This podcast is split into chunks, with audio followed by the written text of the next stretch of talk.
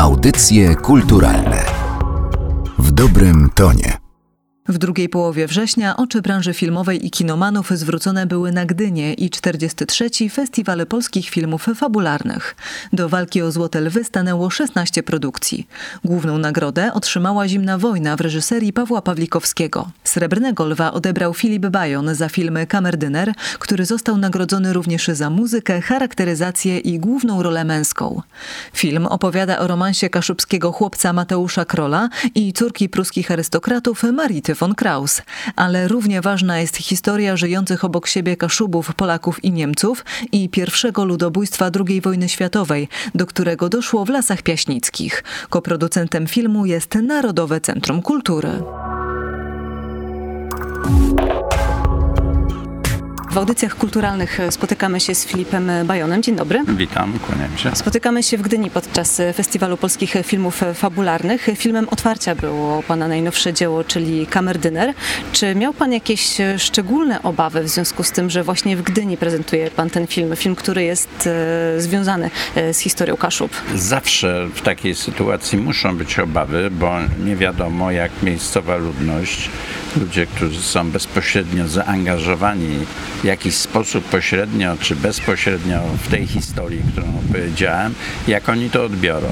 I tutaj ta pierwsza premiera w Gdyni, a potem premiera w Wejherowie, kaszubska, już taka w 100% kaszubska, no przekonała mnie, że odbierają ten film dobrze, co mnie bardzo ucieszyło, bo to jest zawsze pewien rodzaj ryzyka i nie ma gwarancji, że się uda. A spotkał się Pan z osobami, w których rodzinach ciągle ta pamięć tych wydarzeń jest tak. żywa? Mieli jakieś no tak. swoje komentarze? Nie, mówili tylko, że mój dziadek, a mój ten, nazwiska podobne.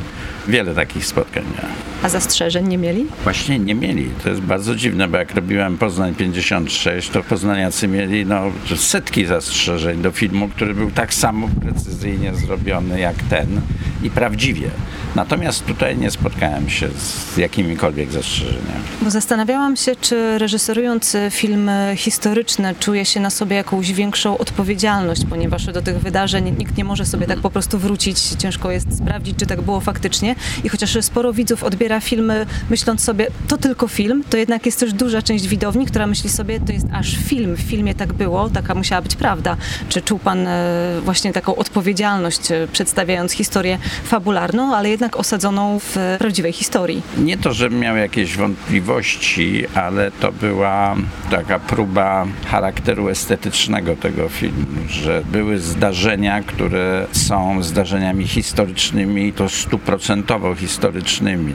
Książki, zostały opisane w mniej lub bardziej pełny sposób. Ja wiedziałem, że w tym filmie obracam się wokół prawdy, że te postaci gdzieś istniały, że były prototypy ale zwłaszcza jeśli chodzi o te znaczące wydarzenia historyczne jak Piaśnica, no tutaj czułem taką dużą odpowiedzialność na sobie i chciałem je filmowo tak zapisać, żeby zostały zapamiętane.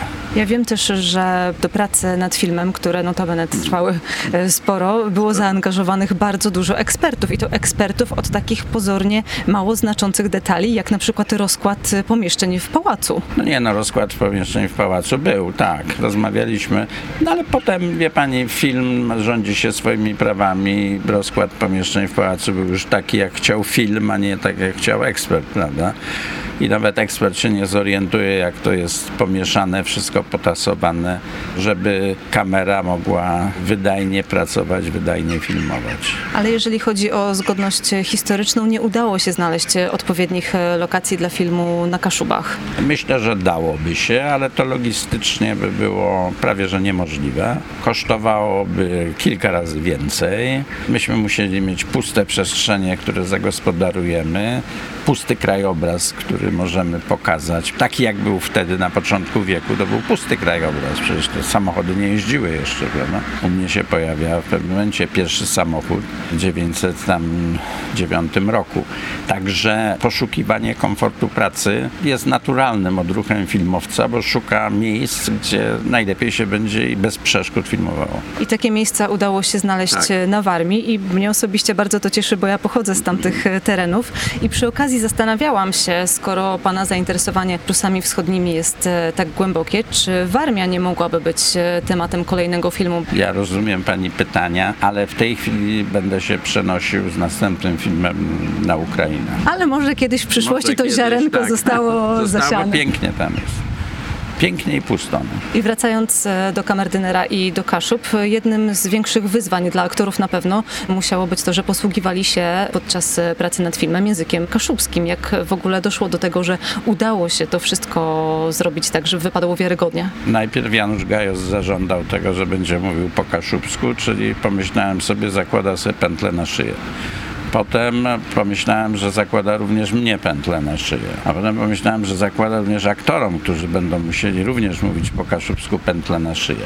Okazało się, że byłem taki zbyt przesądny, bo praca poszła bardzo sprawnie. Byli nauczyciele języka kaszubskiego cały czas na planie, poprawiali wymowę, uczyli tekstów i to poszło bardzo sprawnie, nie opóźniając zdjęć. Ale zdjęcia mimo to, nie przez to, ale z zupełnie innych powodów e, trwały trwały bardzo długo, przeciągały się. E, kilka razy zaczynaliście podejścia do planów zdjęciowych. Czy był taki moment, e, kiedy pan zwątpił w to, że ten film w ogóle uda się zrobić? Był, ale miałem wsparcie w operatorze. Człowieku, którego pracę bardzo pan docenia. No bardzo doceniam. To jest nie tylko wspaniały operator, wspaniały człowiek, przyjaciel i to jest frajda z nim pracować.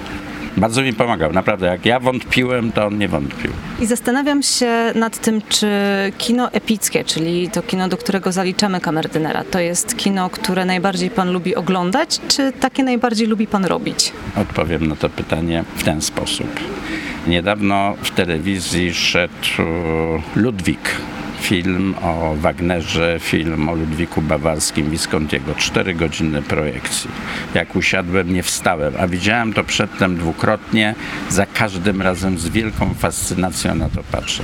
Ja uwielbiam takie kino, ja uwielbiam tego typu historie i również lubię je robić, ponieważ nieskromnie mówiąc, uważam, że no, potrafię je robić. A czy teraz e, widzowie przyzwyczajeni do nieco krótszych produkcji, do nieco szybszych e, produkcji potrafią też e, takie dłuższe, właśnie tradycyjne kino docenić?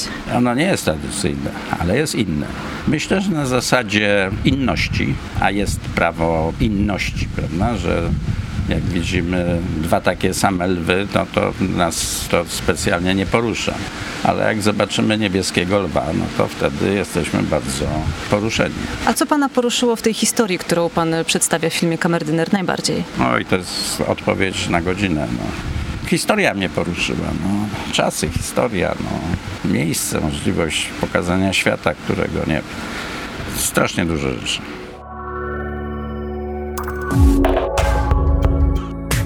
Materiał przygotowała Magdalena Miszewska. Audycje kulturalne w dobrym tonie.